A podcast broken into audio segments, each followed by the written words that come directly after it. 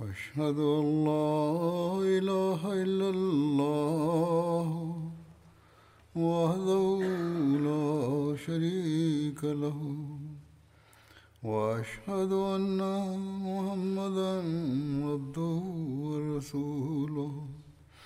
أما بعد فأعوذ بالله من الشيطان الرجيم. بسم الله الرحمن الرحيم. الحمد لله رب العالمين. الرحمن الرحيم. مالك يوم الدين.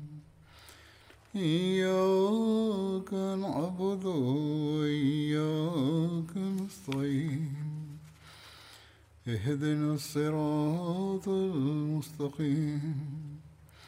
صراط الذين أنعمت عليهم غير المغضوب عليهم ولا الضالين.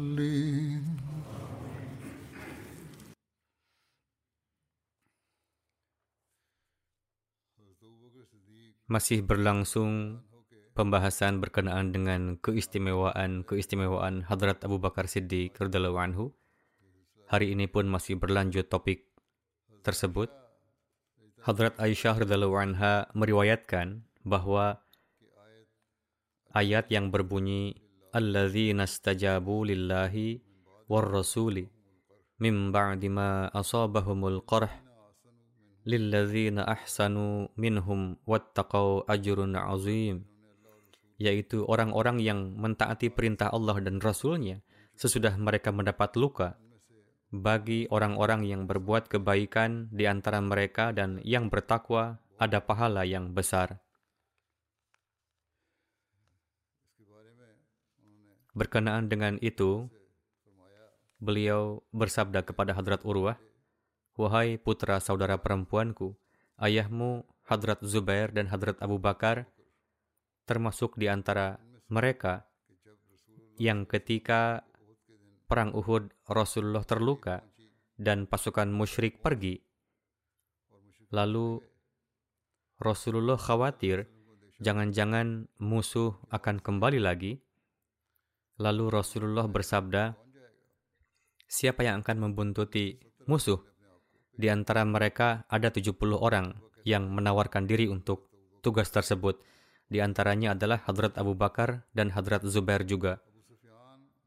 Ketika Abu Sufyan berada di, di lembah pada akhir perang Uhud dan mengatakan bahwa tahun depan di hari yang sama di tempat Badar ada janji pertempuran lain dan Nabi Shallallahu Alaihi Wasallam menerimanya, maka Abu Sufyan segera membawa pasukannya ke Mekah.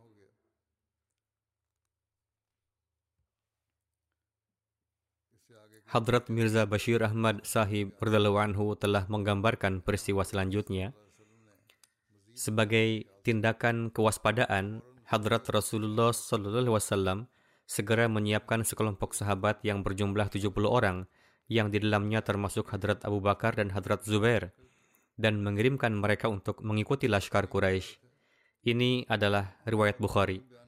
Para sejarawan secara umum meriwayatkan bahwa beliau mengutus Hadrat Ali dan menurut sebagian riwayat Hadrat Sa'ad bin Waqas untuk mengikuti mereka dan bersabda kepada beliau, dapatkanlah informasi apakah mereka berniat menyerang Madinah ataukah tidak. Rasulullah bersabda kepadanya, jika Quraisy menunggangi unta dan membiarkan kuda-kuda tanpa muatan, maka hendaknya ini difahami bahwa mereka sedang kembali ke Mekah dan tidak memiliki niatan untuk menyerang Madinah. Namun jika mereka menunggangi kuda, maka hendaknya difahami bahwa niat mereka tidak baik. Dan Rasulullah menekankan kepadanya bahwa jika Quraisy mengarah ke Madinah, maka segera beritahu beliau dan dengan penuh gairat Rasulullah bersabda, jika Quraisy saat ini tengah menyerang Madinah, maka demi Allah kita akan menghadapi mereka dan membuat mereka merasakan serangan ini. Alhasil, delegasi yang pergi tersebut segera pulang kembali dengan membawa kabar bahwa Laskar Quraisy tengah berjalan menuju Mekah.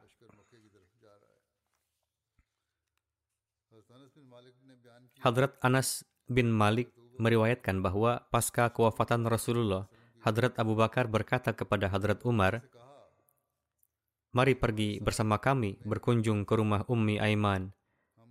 Sebagaimana Rasulullah biasa mengunjungi Ummi Aiman.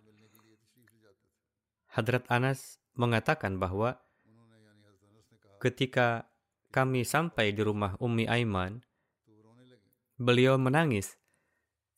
Mereka berdua berkata, Mengapa Anda menangis?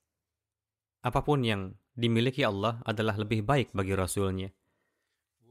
Ummi Aiman berkata, Saya tahu bahwa apa pun yang dimiliki Allah lebih baik untuk Rasulnya. Namun, saya menangis karena sekarang wahyu telah terputus dari langit.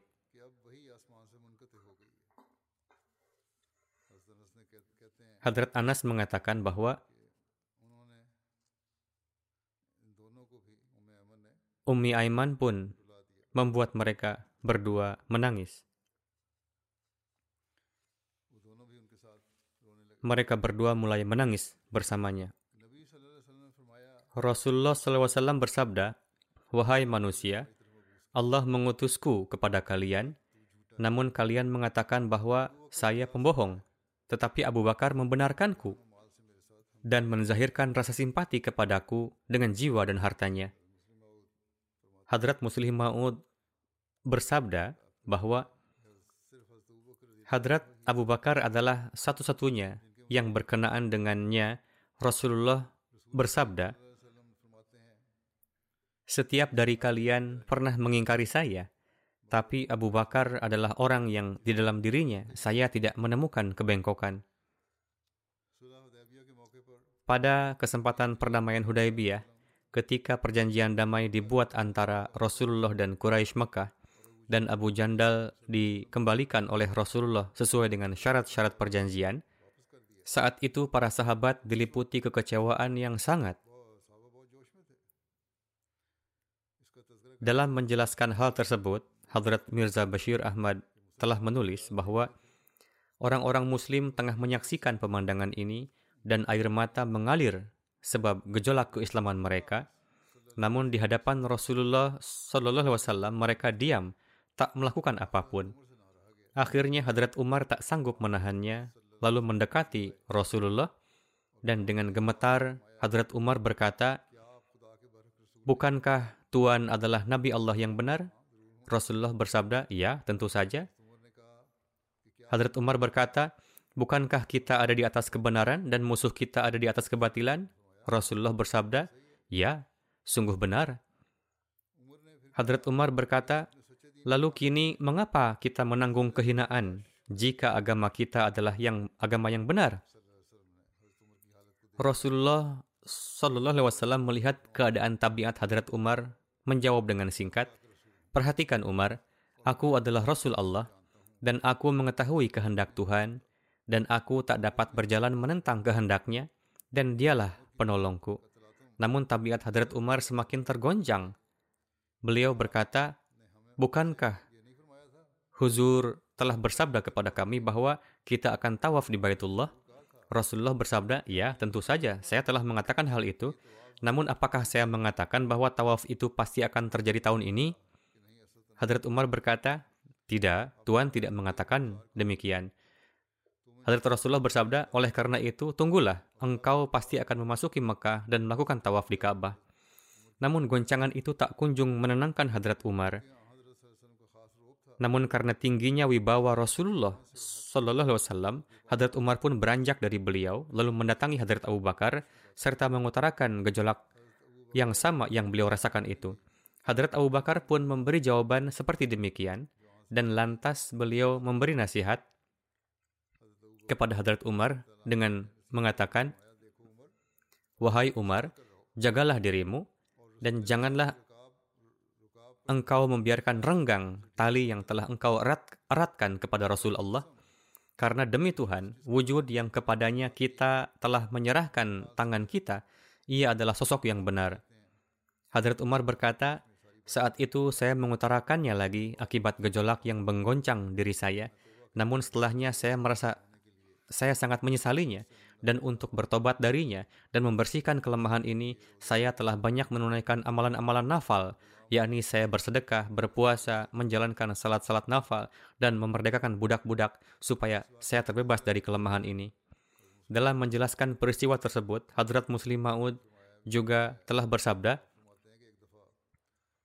Suatu ketika, Rasulullah SAW bersabda kepada para sahabat, saya telah memberikan banyak instruksi kepada kalian, tetapi kadang-kadang saya melihat corak keberatan bahkan di antara orang-orang yang sangat mukhlis sekalipun. Tetapi saya tidak pernah melihat corak tersebut dalam diri Abu Bakar. Sebagaimana pada kesempatan perdamaian Hudaybiyah, bahkan orang seperti Hadrat Umar radhiyallahu anhu pun dilanda ketakutan dan dalam keadaan panik beliau pergi menemui Hadrat Abu Bakar. Hadrat Umar berkata, Bukankah Tuhan telah berjanji kepada kita bahwa kita akan melakukan umrah? Hadrat Abu Bakar mengatakan bahwa ya, itu adalah janji Tuhan. Hadrat Umar berkata, Bukankah Tuhan telah berjanji kepada kita bahwa dia akan mendukung dan membantu kita? Hadrat Abu Bakar mengatakan, ya. Hadrat Umar berkata, lalu apakah kita melakukan umrah? Hadrat Abu Bakar berkata, Umar, kapan Tuhan mengatakan bahwa kita akan melakukan umrah tahun ini? Hadrat Umar berkata, Apakah kita telah meraih kemenangan dan pertolongan? Hadrat Abu Bakar berkata, Allah dan Rasulnya lebih memahami dari kita arti kemenangan dan pertolongan. Tetapi Umar tidak puas dengan jawaban ini kemudian menemui Rasulullah dalam keadaan panik seperti itu. Hadrat Umar berkata kepada Rasulullah, Wahai Rasulullah, bukankah Tuhan telah berjanji kepada kita bahwa kita akan memasuki Makkah dan tawaf? Rasulullah bersabda, ya, Hadrat Umar berkata, bukankah kita jemaat ilahi dan tidakkah Tuhan telah menjanjikan kita kemenangan dan pertolongan Tuhan? Rasulullah bersabda, ya. Hadrat Umar berkata, wahai Rasulullah, apakah kita melakukan umrah? Rasulullah bersabda, kapan Tuhan mengatakan bahwa kita akan melakukan umrah tahun ini? Tadinya saya mengira umrah akan dilaksanakan tahun ini. Tuhan tidak membuat keputusan apa pun. Hadrat Umar berkata, lalu apa arti dari janji kemenangan dan pertolongan? Rasulullah bersabda, pertolongan Tuhan pasti akan datang dan apa yang dia janjikan akan terpenuhi. Seolah-olah jawaban yang diberikan oleh Hadrat Abu Bakar adalah jawaban yang sama dengan yang diberikan oleh Nabi Suci Shallallahu Alaihi Wasallam. Satu-satunya perbedaan antara kedua riwayat tersebut adalah bahwa pada riwayat yang pertama, Hadrat Umar pertama kali datang menemui Rasulullah, kemudian setelah itu menemui Hadrat Abu Bakar, sedangkan berdasarkan yang disabdakan oleh Hadrat Muslim Ma'ud adalah sama, namun Hadrat Umar pertama-tama pergi menemui Hadrat Abu Bakar dan kemudian datang ke hadapan Rasulullah.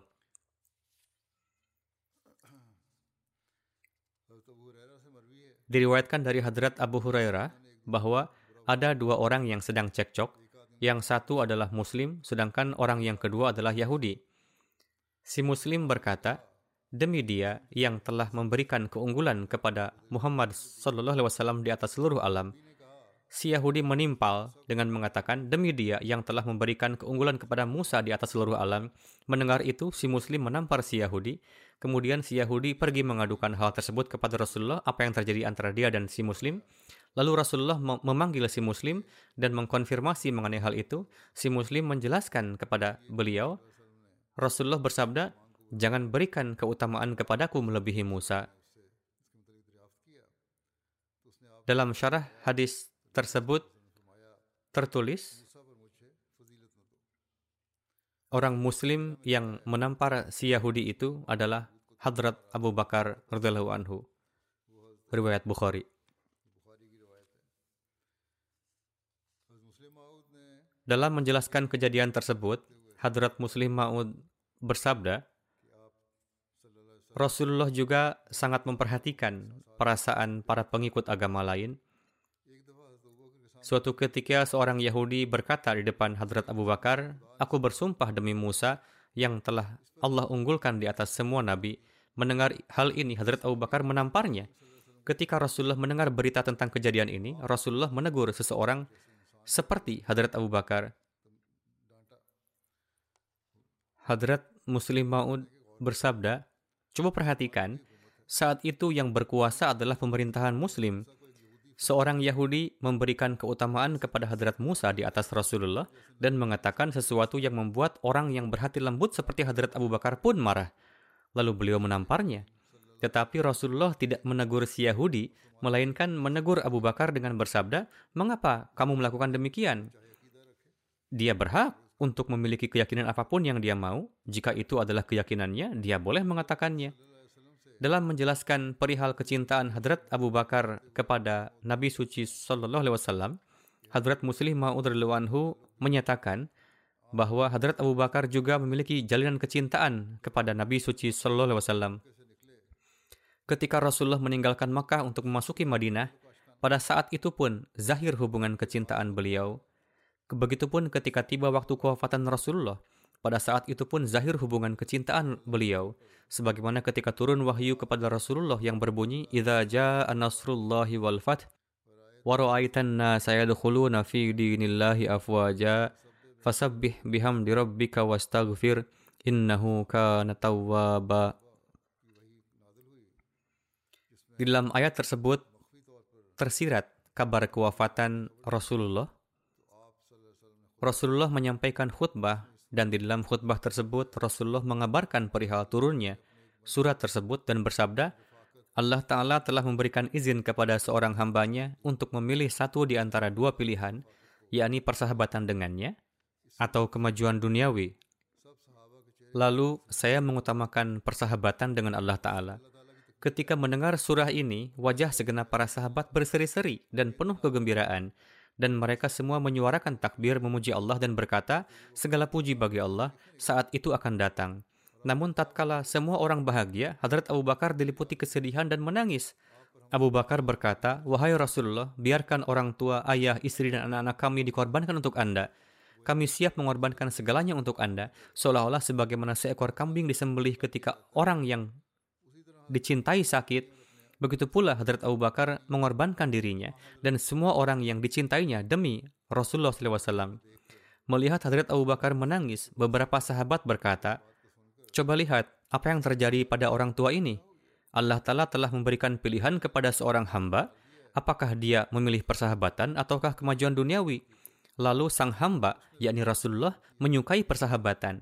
Lantas mengapa Anda menangis? Di tempat di mana janji kemenangan Islam sedang disampaikan, bahkan sahabat agung seperti Hadrat Umar mengungkapkan keterkejutannya. Rasulullah SAW dapat merasakan tanggapan orang-orang dan melihat ketidakberdayaan Hadrat Abu Bakar.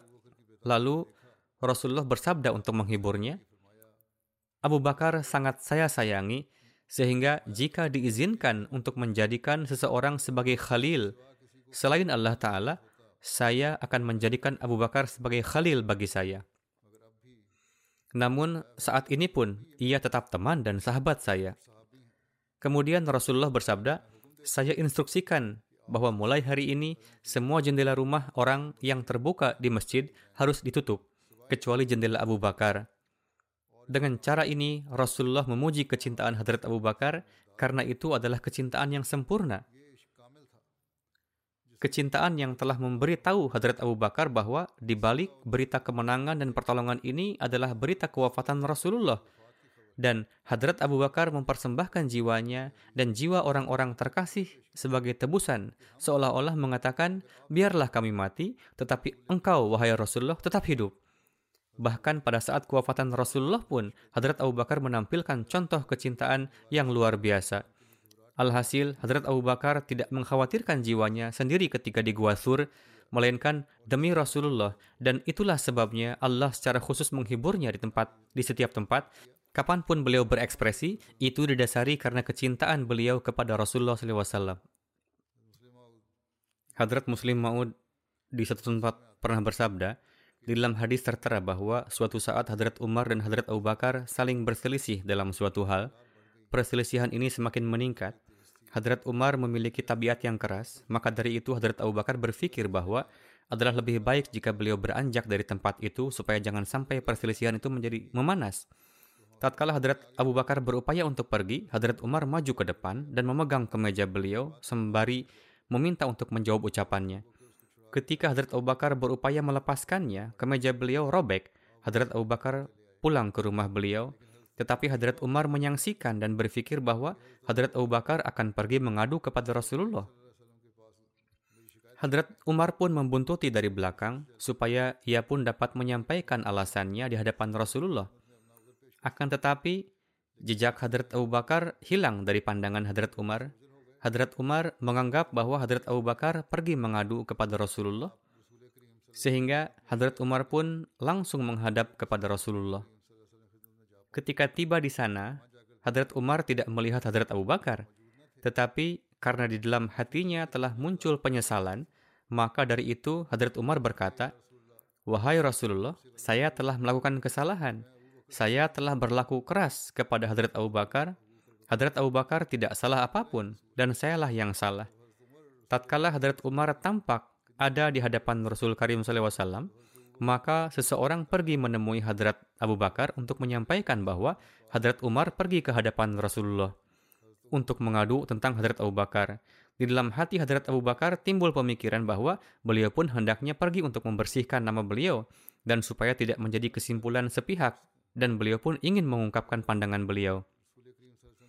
Ketika Hadrat Abu Bakar tiba di tempat Rasulullah, saat itu Hadrat Umar tengah menyampaikan Wahai Rasulullah, saya telah salah. Saya telah berselisih dengan Abu Bakar dan kemejanya telah robek akibat saya. Tatkala Rasulullah mendengar ini, maka muncul rona marah di wajah Rasulullah. Rasulullah bersabda, Wahai segenap manusia, apa yang terjadi padamu tatkala seluruh dunia dahulu mengingkariku dan engkau pun memusuhiku. Di saat itu Abu Bakarlah yang mengimaniku dan menolongku dalam setiap coraknya. Kemudian Beliau bersabda seraya sedih, Apakah sekarang ini pun engkau tidak meninggalkanku dan Abu Bakar? Beliau tengah bersabda demikian tatkala Hadrat Abu Bakar masuk. Dalam menjelaskan hal ini secara lebih jauh, Hadrat Muslim Maud bersabda, Inilah contoh dari kecintaan yang sesungguhnya, yaitu peristiwa tatkala Hadrat Abu Bakar masuk dan apa corak yang beliau tempuh, Hadrat Muslim Maud bersabda, Inilah contoh dari kecintaan yang sesungguhnya, yakni alih-alih beliau menyampaikan alasan bahwa wahai Rasulullah, ini bukanlah salahku, tetapi ini adalah salah Umar. Namun tatkala Hadrat Abu Bakar melihat bahwa timbul kesedihan di hati Rasulullah, maka Hadrat Abu Bakar sebagai seorang pecinta sejati pun tidak dapat menanggungnya bahwa karena sebabnya lah Rasulullah SAW mengalami kesedihan. Seketika beliau tiba, Hadrat Abu Bakar lantas melutut di hadapan Rasulullah dan berkata, Wahai Rasulullah, ini bukanlah salah Umar, tetapi ini adalah salah saya. Lihatlah betapa tingginya kecintaan Hadrat Abu Bakar. Hadrat Abu Bakar tidak sanggup menerima bila hati kekasih sejati beliau bersedih. Tatkala Hadrat Abu Bakar melihat bahwa Rasulullah marah kepada Hadrat Umar, beliau tidak merasa senang. Pada umumnya, manusia memiliki kebiasaan bahwa ia akan senang tatkala ia melihat lawannya dimarahi tetapi pecinta sejati ini tidak menyukai bila kalbu Rasulullah mengalami kesedihan. Apa pun sebabnya itu, Hadrat Abu Bakar berkata, saya boleh dipenjara, tetapi saya tidak akan membiarkan hati kekasih saya mengalami kesedihan. Dengan sangat memohon, Hadrat Abu Bakar berkata, Wahai Rasulullah, itu bukanlah kesalahan Umar, tetapi itu adalah kesalahanku. Hadrat Muslim Ma'ud bersabda, jika Hadrat Abu Bakar demi semata-mata menjauhkan kepedihan di hati Rasulullah, beliau menyatakan diri bahwa beliau bersalah meskipun telah terzalimi supaya hati Rasulullah tidak bersedih, maka apakah mungkin bahwa seorang hamba mukmin tidak melakukan suatu amalan demi keridaan Tuhan, di mana hal itu akan mendekatkan keridaan Allah Ta'ala kepadanya? Inilah juga tanda seorang mukmin yakni demi meraih keridaan Allah Ta'ala, ia melakukan suatu amalan dan ia tidak melakukan apa pun pekerjaan yang darinya Allah Ta'ala akan marah. Terkait ini, peristiwa ini memberikan permisalannya. Kemudian Hadrat Muslim Ma'ud dari anhu di satu tempat bersabda, suatu saat dibawakanlah satu naskah Taurat ke hadapan Hadrat Rasulullah SAW dan dikatakan, Wahai Rasulullah, ini adalah Taurat. Mendengar hal ini, Rasulullah pun terdiam. Namun Hadrat Umar membuka Taurat itu dan mulai membacanya. Atas hal ini tampak rona ketidaksenangan di wajah Rasulullah. Hadrat Abu Bakar yang melihat hal ini lalu beliau lantas memarahi Hadrat Umar dan berkata, Apakah Anda tidak melihat bahwa Rasulullah tidak menyukainya. Mendengar ucapan beliau ini, timbul jugalah perhatian di diri Hadrat Umar sehingga beliau melihat wajah Rasulullah. Tatkala Hadrat Umar pun melihat tanda-tanda ketidaksenangan di wajah Rasulullah, maka Hadrat Umar pun memohon maaf kepada Rasulullah. Hadrat Muslim Maud telah menerangkan peristiwa ini dan menyampaikan tafsir suatu ayat Al-Quran mengenai kemarahan Rasulullah SAW ini dikarenakan Hadrat Umar yang telah menilawatkan suatu ayat dari Taurat yang adalah bertentangan dengan ajaran Islam. Jadi inilah alasannya, bukan disebabkan karena Hadrat Umar membaca Taurat, jika ada yang tertarik untuk membaca tafsir tentang ini, maka rincian tentang ini pun tertera di tafsir Kabir jilid 6 surah An-Nur ayat 3 dan dapat dibaca di sana. Hadrat Muslim Maud anhu bersabda, bukti betapa cintanya sahabat kepada Rasulullah SAW dapat dilihat dari satu peristiwa Hadrat, Hadrat Abu Bakar berikut. Setelah kewafatan Rasulullah Sallallahu tatkala sebagian kabilah Arab telah menolak untuk membayar zakat, maka Hadrat Abu Bakar pun siap untuk berperang menghadapi mereka. Kondisi di saat itu adalah sedemikian rupa genting, di mana sosok berpengaruh seperti Hadrat Umar pun menyampaikan saran agar hendaknya bersikap lunak terhadap orang-orang itu. Namun Hadrat Abu Bakar menjawab, putra Abu Kahafah tidaklah memiliki kekuatan untuk membatalkan perintah yang telah diberikan oleh Rasulullah. Demi Allah, jika orang-orang ini pun memberikan hanya seutas tali pengikat unta sebagai zakat di masa Rasulullah, maka saya pun akan mengambilnya dari mereka. Dan saya tidak akan berhenti selama zakat itu tidak dibayar oleh mereka. Ini adalah riwayat Bukhari. Hadrat Abu Bakar bersabda, "Jika Anda sekalian tidak dapat mendukungku dalam perkara ini, maka tidaklah mengapa. Aku sendiri yang akan menghadapi mereka." Betapa ini merupakan contoh kesetiaan kepada Rasul, karena dalam keadaan yang sangat genting ini, di mana para sahabat terkemuka pun mengusulkan agar menghindari peperangan, namun demikian beliau siap untuk menanggung segala macam bahaya demi memenuhi perintah Rasulullah. Demikian pula saat para sahabat berupaya keras menahan kepergian pasukan Usama, Hadrat Abu Bakar tetap bersabda, kendati pun musuh sedemikian rupa tangguh, di mana mereka sanggup menaklukkan Madinah, sehingga mayat para wanita muslim pun akan diseret oleh anjing, saya tetap tidak dapat menahan pasukan yang telah disiapkan oleh Rasulullah untuk dikirim. Hadrat Jabir menjelaskan bahwa Rasulullah Shallallahu Alaihi Wasallam bersabda, jika harta dari Bahrain datang kepadaku, maka aku akan memberi kalian semua sekian dan sekian. Beliau menyampaikan dengan isyarat dengan tangan beliau. Namun harta itu datang tatkala Rasulullah telah wafat. Ketika harta dari Bahrain tiba, Hadrat Abu Bakar lalu memerintahkan kepada penyeru agar mengumumkan bahwa siapa saja yang telah mendapatkan janji dari Rasulullah maka hendaknya mereka datang kepada beliau. Mendengar ini, seseorang berkata, saya pun datang menemui beliau dan berkata bahwa Rasulullah SAW telah menjanjikan sekian dan sekian kepada saya.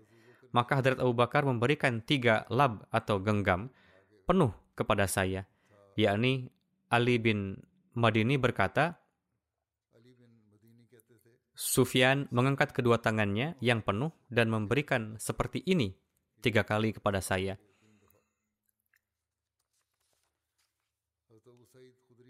Hadrat Abu Sa'id Khudri menjelaskan, tatkala datang harta dari Bahrain, saya mendengar penyeru yang mengumumkan bahwa siapa saja yang telah dijanjikan sesuatu oleh Rasulullah, maka hendaknya ia datang. Orang-orang lalu datang ke hadapan Hadrat Abu Bakar, lalu beliau pun memberikannya kepada mereka. Kemudian datanglah Hadrat Abu Bashir Mazani. Ia berkata, Rasulullah telah bersabda, Wahai Abu Bashir, jika datang harta kepada kami, maka datanglah kemari. Atas hal ini, Hadrat Abu Bakar lalu memberi dua atau tiga lab atau genggam penuh kepadanya, di mana semua itu berjumlah 1.400 dirham. Lab artinya kedua genggam tangan penuh. Suatu saat para sahabat tengah berbincang dengan Hadrat Abu Bakar Siddiq dan beberapa saat kemudian beliau berkata kepada pelayan beliau, "Berilah air minum." Pelayan itu beberapa saat kemudian membawa mangkuk tanah. Hadrat Abu Bakar Siddiq memegang mangkuk itu dengan kedua tangan beliau. Tatkala beliau mendekatkannya ke mulut demi menghilangkan haus, beliau melihat bahwa mangkuk itu penuh dengan madu yang dicampur juga dengan air. Hadrat Abu Bakar meletakkan mangkuk itu dan tidak meminumnya. Lalu beliau melihat ke pelayan beliau dan bertanya kepadanya, apakah ini? Pelayan itu menjawab, air itu telah dilarutkan dengan madu. Hadrat Abu Bakar Siddiq lalu melihat ke mangkuk itu dengan seksama. Baru beberapa saat saja, air mata pun jatuh mengalir dari kedua mata beliau. Hadrat Abu Bakar Siddiq menangis dengan sangat terseduh-seduh. Sembari menangis, suara beliau pun meninggi hingga jeritan yang keras pun keluar dari diri beliau. Orang-orang mendatangi beliau dan berupaya menghibur beliau dengan berkata, Wahai Khalifah Rasul, apa yang terjadi? Mengapa huzur sedemikian rupa menangis? Ayah ibu kami siap berkorban demi engkau. Mengapa huzur menangis dengan sangat terisak-isak? Hazrat Abu Bakar Siddiq tidak menghentikan tangisan beliau sehingga orang-orang di sekeliling beliau pun mulai menangis melihat beliau. Melihat mereka terus menangis hingga terdiam. Namun Hazrat Abu Bakar terus menangis tanpa henti. Tatkala air mata beliau berhenti mengalir, orang-orang lantas menanyakan sebab beliau menangis. Berkata, Wahai Khalifah Rasul Sallallahu Alaihi Wasallam, tangisan apakah ini? Apakah sesuatu yang telah membuat huzur menangis? Hadrat Abu Bakar mengusap air mata dengan ujung kain beliau serta berupaya menguasai diri beliau dan bersabda, Saya saat itu ada di hari-hari sakit menjelang kewafatan Rasulullah saya saat itu melihat Rasulullah tengah menjauhkan sesuatu dari tangan beliau, namun saya tidak melihat sesuatu itu. Saat itu beliau dengan suara lemah bersabda, "Menjauhlah dari saya, menjauhlah dari saya." Saya melihat ke sekeliling saya, namun saya tidak melihat sesuatu pun. Saya bertanya, "Wahai Rasulullah, saya melihat bahwa Huzur tengah menjauhkan sesuatu dari diri Huzur, namun saya tidak melihat sesuatu pun di sekitar Huzur." Huzur Sallallahu Wasallam menengadah ke arah saya dan bersabda, pada hakikatnya itu adalah dunia yang datang ke arah saya dengan segala kemegahannya. Saya berkata kepada dunia, menjauhlah. Yaitu saat itu Rasulullah telah melihat suatu pemandangan kasyaf. Alhasil, ia, yakni dunia pun menjauh sembari berkata demikian, jika Anda telah terbebas dari saya, maka bagaimana dengan orang-orang yang akan datang setelah Anda? mereka tidak akan selamat dari saya. Kemudian Hazrat Abu Bakar Siddiq dengan penuh kegelisahan menggelengkan kepala beliau dan dengan suara penuh kesedihan bersabda, Wahai manusia, saya pun telah merasa takut karena madu yang telah yang terlarut di dalam air ini, yaitu jangan sampai dunia ini menguasai saya. Karena itulah saya menangis terseduh-seduh. Jadi inilah rasa takut beliau kepada Allah Taala. Ketika penaklukan Irak, didapatlah satu kain yang sangat mahal. Hadrat Khalid atas usulan dari penasihat pasukan, beliau mengirim kain itu sebagai hadiah kepada Hadrat Abu Bakar Siddiq dan menulis agar Huzur mengambilnya. Hadiah itu disampaikan kepada Hadrat Abu Bakar, tetapi beliau tidak bersedia mengambilnya dan tidak pula beliau memberinya kepada keluarga beliau. Namun beliau memberikannya kepada Hadrat Imam Hussein. Selebihnya akan saya sampaikan nanti, insya Allah. Saat ini saya akan menyampaikan riwayat dua almarhum dan setelah ini saya juga akan memimpin salat jenazah gaib untuk mereka insyaAllah. Yang pertama, yang terhormat Samiullah Sial Sahib yang merupakan wakil ziraat di Tahrik Jadid. Beliau wafat pada usia 89 tahun. Inna lillahi wa inna ilaihi raji'un. Dengan karunia Allah Ta'ala, beliau seorang musi. Ayahanda beliau adalah Rahmatullah Sial Sahib Ahmadiyah masuk ke dalam keluarga Samiullah Seyal Sahib melalui ayahanda beliau, Rahmatullah Seyal Sahib, yang bayat pada tahun 38 di masa Hadrat Khalifatul Masih Al-Thani anhu. Pada saat itu Samiullah Seyal Sahib berusia 4 tahun. Ketika ibunda beliau mengetahui perihal bayat tersebut, beliau meninggalkan suaminya dan membawa almarhum besertanya. Ketika peristiwa ini disampaikan ke hadapan Hazrat Khalifatul Masih Al-Thani, maka Huzur bersabda kepada ayahanda beliau bahwa ajukan ke pengadilan dan ambillah kembali anak tersebut. Maka setelah dilakukan persidangan, anak tersebut diambil kembali. Demikianlah almarhum jatuh dalam pengasuhan ayahandanya dan beliau merawat almarhum. Ayahanda Samiullah Sahib syahid dalam kerusuhan di Punjab Timur. Setelah itu, semua kerabat beliau yang gair Ahmadi berusaha untuk mengambil kembali beliau dan berupaya menjauhkan beliau dari jemaat, namun beliau tidak meninggalkan Ahmadiyah. Pada tahun 49, beliau lulus matrik dari Talimul Islam School. Pada tahun 54, beliau meraih gelar BA dari Talimul Islam College. Kemudian pada tahun 56 beliau meraih gelar MA Statistika dari Government College Lahore. Beliau memiliki dua orang putra. Salah satu putra beliau adalah seorang dokter di Kanada. Dan yang kedua, Iftikharullah Sayyal Sahib adalah seorang wakaf zindagi yang bertugas di Rabuah. Pada tahun 49, Sial Sahib mewakafkan diri dan bersama dengan para wakafin zindagi lainnya, beliau dites dan diwawancarai, dan Hadrat Muslim Ma'un sendiri yang mengetes beliau. Setelah itu, atas instruksi dari Hadrat Muslim Ma'un, beliau mendaftar untuk pendidikan lanjutan di Talimul Islam College Lahore, di mana beliau sebelumnya menyelesaikan gelar BSc dan kemudian memperoleh gelar MSc Statistik.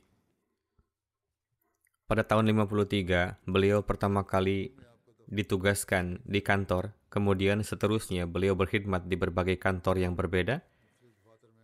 Dari tahun 60 hingga 63 beliau mendapatkan taufik berkhidmat di Sierra Leone. Pada tahun 83, Hadrat Khalifatul Masih Ar-Rabi rahimahullah menetapkan beliau sebagai wakil ziraat dan sinaat wa tijarat. Dari tahun 88 hingga 99, beliau mendapatkan taufik berkhidmat menjadi wakil diwan dan dari tahun 99 hingga 2012 sebagai wakil ziraat dan senaat wa tijarat. Dari tahun 2012 hingga wafat beliau menjabat sebagai wakil ziraat. Masa pengkhidmatan beliau mencakup 69 tahun. Selain itu, beliau juga sebagai anggota dari berbagai komite di Anjuman dan Tahrir Jadid, serta sebagai direktur dari beberapa perusahaan yang terdaftar. Demikian juga di Khudamul Ahmadiyah, beliau mendapatkan taufik berkhidmat di berbagai departemen dalam kurun waktu yang sangat lama. Istri beliau, Amatul Hafiz Siyal Sahibah, menuturkan bahwa dalam 60 tahun kehidupan pernikahan, saya melihat beliau seorang yang sangat baik, bersimpati pada sesama, bertawakal, dan penuh kasih sayang. Beliau mendahulukan orang lain daripada dirinya sendiri dalam segala hal dan mengutamakan perintah-perintah Khalifah Waqt di atas segala perkara. Beliau menuturkan, ketika menikah dengan saya, beliau sejak awal memberikan pemahaman kepada saya bahwa beliau seorang wakaf zindagi dan istri dari seorang wakif zindagi adalah wakif zindagi juga. Istri beliau kemudian menuturkan bahwa beliau seorang yang menyantuni orang-orang miskin dan beliau juga sangat menghormati tamu yang datang ke rumah kami. Putra beliau Iftikharullah Seyal menuturkan bahwa sejak masih kanak-kanak pun beliau sangat setia dan cinta terhadap jemaat. Ketika ayahanda beliau syahid pada peristiwa kerusuhan di tahun 47, beliau menjadi benar-benar sendiri dan sebagaimana telah disampaikan, di antara kaum kerabat beliau, hanya ayah beliau yang Ahmadi dan ibunda beliau juga pergi meninggalkan beliau.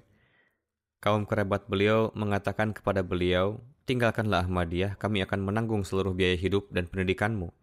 Namun dikarenakan kecintaannya pada Ahmadiyah dan keyakinannya pada kebenaran Ahmadiyah, beliau memberikan jawaban dengan mengatakan, sekalipun saya harus mati kelaparan, saya tetap tidak akan meninggalkan Ahmadiyah. Dan selanjutnya beliau senantiasa teguh pada keimanannya ini. Beliau sangat menginginkan silsilah wakaf terus berlangsung dalam keturunan beliau. Putra beliau menuturkan, ketika saya mewakafkan diri, beliau sangat senang dan datang ke London. Lalu beliau sendiri memberitahukan hal ini kepada Hadrat Khalifatul Masih Ar-Rabi rahimahullah. Beliau, yakni Huzur, mengungkapkan kegembiraan beliau bahwa wakaf yang sejati adalah yang mata rantainya terus berlangsung di antara anak keturunan. Ketika kesulitan agama maupun duniawi datang, beliau bersujud di hadapan Allah Ta'ala dan berdoa dengan penuh rintihan untuk mendapat solusi dari kesulitan tersebut Kemudian seorang putra beliau lainnya menulis, saya tidak pernah melihat beliau bolong melaksanakan tahajud satu kali pun sepanjang hidupnya. Beliau biasa membantu orang-orang miskin dengan segala cara yang memungkinkan. Putra beliau menuturkan, setelah kewafatan beliau, banyak orang datang kepada saya dan secara khusus menceritakan bahwa ketika kami memerlukan uang untuk suatu keperluan, kami datang kepada Sial Sahib dan beliau selalu membantu kami. Dalam beberapa kesempatan, di rumah sedang menghadapi suatu permasalahan dan pada saat bersamaan ada kesempatan untuk mengkhidmati jemaat, maka pada kesempatan seperti itu, beliau biasa pergi untuk tugas jemaat dan menyerahkan segala permasalahan rumah tangga beliau kepada Allah Ta'ala. Menantu beliau menuturkan bahwa Beliau senantiasa mengajarkan kepada saya kecintaan dan kesetiaan pada jemaat, dan beliau sangat yakin terhadap setiap perkataan yang keluar dari lisan khalifah. Kaitannya dengan hal ini, almarhum menceritakan bahwa ketika di masa-masa awal mewakafkan diri, beliau datang ke hadapan Hadrat Khalifatul Masih yang kedua radhiyallahu anhu. Pada masa itu, untuk kedua kalinya, Churchill menjadi Perdana Menteri di usia 80 tahun. Maka Hadrat Khalifatul Masih yang kedua bersabda kepada beliau, jika Churchill bisa menjadi Perdana Menteri di usia 80 tahun, mengapa Anda tidak bisa mengkhidmati jemaat hingga usia tersebut? Maka pada waktu itu almarhum mengambil kesimpulan dari sabda huzur tersebut bahwa kita yang tergabung dalam kelompok para pewakaf zindagi ini, usia kita pasti minimal akan mencapai 80 tahun dan Allah Ta'ala akan memberikan taufik untuk berkhidmat hingga usia 80 tahun. Oleh karena itu, Chaudhry Hamidullah Sahib dan Muslihuddin Sahib yang merupakan sahabat beliau semuanya mencapai usia lebih dari 80 tahun. Ini bukan dikisahkan oleh menantu beliau, melainkan oleh putra beliau. Menantu beliau menuturkan, Ayah saya wafat ketika saya masih kecil, dan di rumah mertualah saya mendapatkan kasih sayang seorang ayah dari beliau. Dalam 20 tahun kehidupan pernikahan saya, saya selalu melihat kebaikan dan kasih sayang seseorang, seorang ayah dari beliau. Beliau adalah seorang pecinta sejati Ahmadiyah dan khilafat. Beliau biasa menyantuni orang-orang miskin, pengkhidmat tamu, dan seorang yang jujur. Beliau biasa berzikir ilahi sambil berdiri maupun duduk. Beliau mensyukuri hal-hal yang kecil. Beliau juga berperan besar dalam tarbiyat anak-anak saya. Beliau mengingatkan mereka untuk mempelajari terjemahan Al-Quran dan membaca buku-buku Hadrat Masih Maud salam dan kemudian menguji mereka juga. Setiap kali anak-anak duduk bersama kakek, beliau senantiasa menceritakan sejarah jemaat dan peristiwa-peristiwa yang menggambarkan kasih sayang dan cinta dari para khalifah jika ada anak kecil sekalipun yang datang ke rumah, beliau tidak akan membiarkannya pergi meninggalkan rumah tanpa menyambutnya dan menjamunya. Basil Sahib, naib wakil ziraat, menulis, Samuel Seyal Sahib adalah sosok yang penuh simpati terhadap sesama. Beliau sangat mencintai khilafat. Beliau juga biasa membantu para karyawan di kantor secara finansial. Beliau selalu menasihatkan untuk senantiasa menjalin hubungan dengan khalifah beliau selalu mengajarkan bahwa setiap peser uang jemaat harus dijaga dan sebagaimana Hadrat Masih Maud Islam bersabda bahwa jangan khawatir dari mana uang itu akan datang yang harus menjadi perhatian adalah orang-orang yang mengurusi uang itu.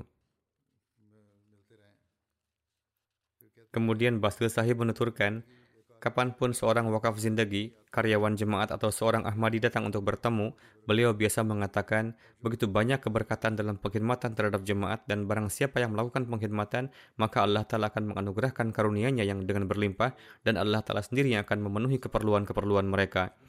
Beliau memberikan contoh diri beliau sendiri, yakni saya dulu bukan apa-apa, lalu Allah Ta'ala menganugerahi saya banyak hal dan ini semata-mata berkat dari wakaf.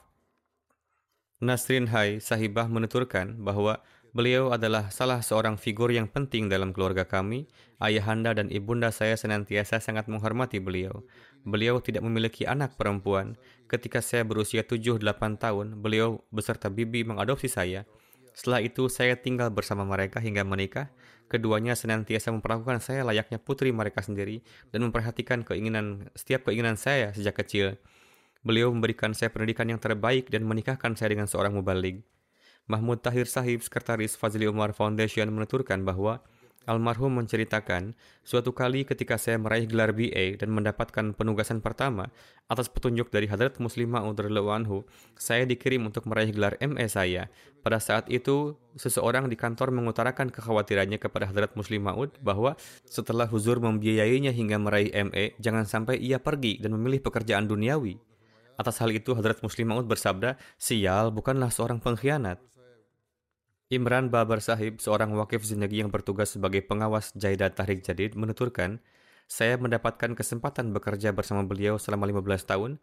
Beliau seorang yang sangat energik. Beliau tidak pernah ragu untuk bertemu atau berbicara dengan pejabat pemerintah mengenai pekerjaan jemaat. Ketika beliau mendapatkan kesempatan bepergian dengan kereta api, beliau biasa bertablig selama perjalanan dan melakukannya dengan suara keras supaya semua orang di dekatnya bisa mendengar. Lukman Sahib, Wakilul Mal Awal menuturkan, beliau adalah sosok yang mengucapkan baik terhadap suara khilafat dan juga biasa mengingatkan orang lain berkenaan dengan hal ini. Setiap kali tarik jadi diumumkan, beliau senantiasa segera datang untuk menuliskan perjanjian dan membayarkan candahnya. Syekh Haris Sahib yang bertugas di Tarik Jadid menuturkan, Ketika mewakafkan diri, beliau membimbing saya dalam setiap langkah. Beliau memperlakukan saya dengan penuh kecintaan dan kasih sayang. Beliau seorang wakaf zindagi yang pemberani dan lugas. Haris Sahib juga menulis bahwa pada tahun 2008 Insinyur Javed, Ketua Dewan Persatuan Pakistan datang ke Rabuah dari Islamabad secara khusus. Selain dengan para sesepuh lainnya, beliau juga bertemu dengan Sayyal Sahib. Sayyal Sahib tidak menyia-nyiakan kesempatan tablik tersebut – dan bertablik kepada beliau dengan cara yang sangat baik. Semoga Allah Ta'ala menganugerahkan rahmat dan magfirah kepada almarhum dan memberikan taufik kepada putra beliau yang merupakan wakif zinegi untuk dapat menjalankan wakafnya. Semoga Allah Ta'ala menjaga anak keturunan beliau tetap terhubung dengan jemaat dan menganugerahkan ketentraman kepada mereka yang ditinggalkan. Jenazah selanjutnya yang terhormat Siddiqah Begum Sahibah, istri dari almarhum Ali Ahmad Sahib, muallim wakif zindagi, yang wafat beberapa hari yang lalu di usia 85 tahun. Inna lillahi wa inna ilaihi raji'un. Putra beliau, Abdul Hadi Tarik Sahib, adalah seorang mubalik dan bertugas sebagai dosen di Jamiah Ahmadiyah Ghana. Beliau lahir di Kadian. Ayahanda beliau wafat di usia muda pada tahun 44. Hadrat Muslim Maud Anhu mengambil ibunda beliau yang janda beserta anak-anaknya dalam perwalian beliau. Mereka dipanggil ke Kadian, lalu Hadrat Nawab Amatul Hafiz Begum Sahibah Hardalau Anha menempatkan mereka di rumah peristirahatan beliau atau bungalow. Mubalik Sahib mengatakan bahwa nenek saya mendapatkan taufik untuk mengkhidmati Hadrat Nawab Amatul Hafiz Sahibah Hardalau Anha Demikian juga setelah pemisahan India, Hadrat Muslim Maud mengirim nenek saya bersama anak-anaknya ke Nasirabad, Sin, tempat di mana almarhumah dibesarkan.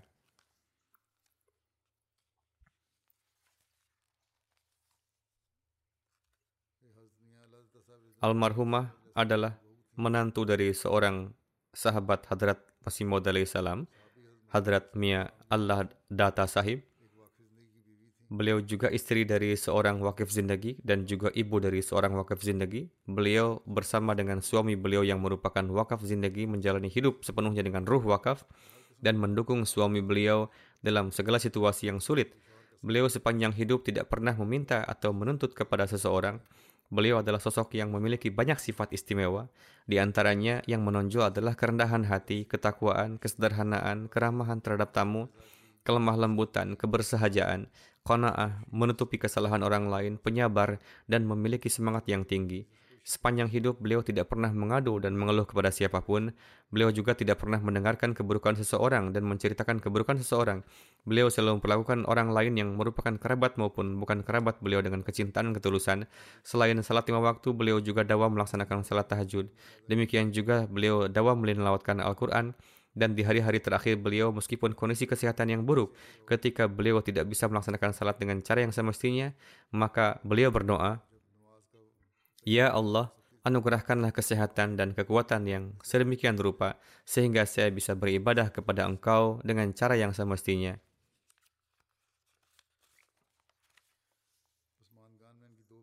Di antara yang tinggalkan antara lain dua putri dan tiga putra. Sebagaimana telah saya sampaikan, salah seorang putra beliau Abdul Hadi Tarik Sahib adalah mubalik yang bertugas di Ghana dan dikarenakan berada di lapangan pengkhidmatan, beliau tidak bisa hadir dalam pengurusan jenazah ibunda beliau. Semoga Allah telah menganugerahkan kesabaran dan ketabahan kepada mereka. memberikan taufik kepada mereka untuk dapat meneruskan kebaikan-kebaikan almarhumah dan menganugerahkan magfirah dan rahmatnya kepada almarhumah serta meninggikan derajat almarhumah.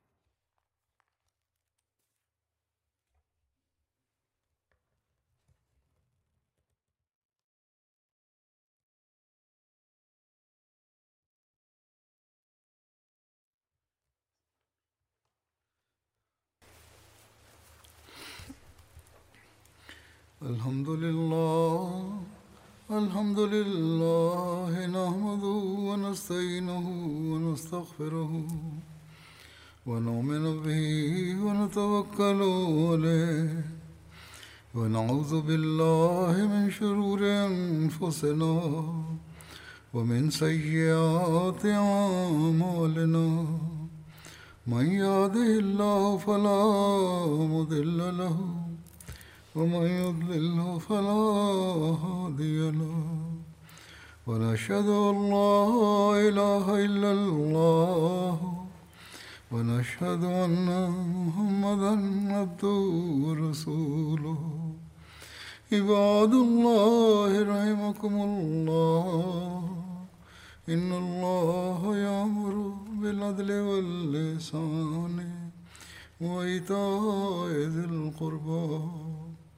وينهى عن الفحشاء والمنكر والبغي يعظكم لعلكم تذكرون.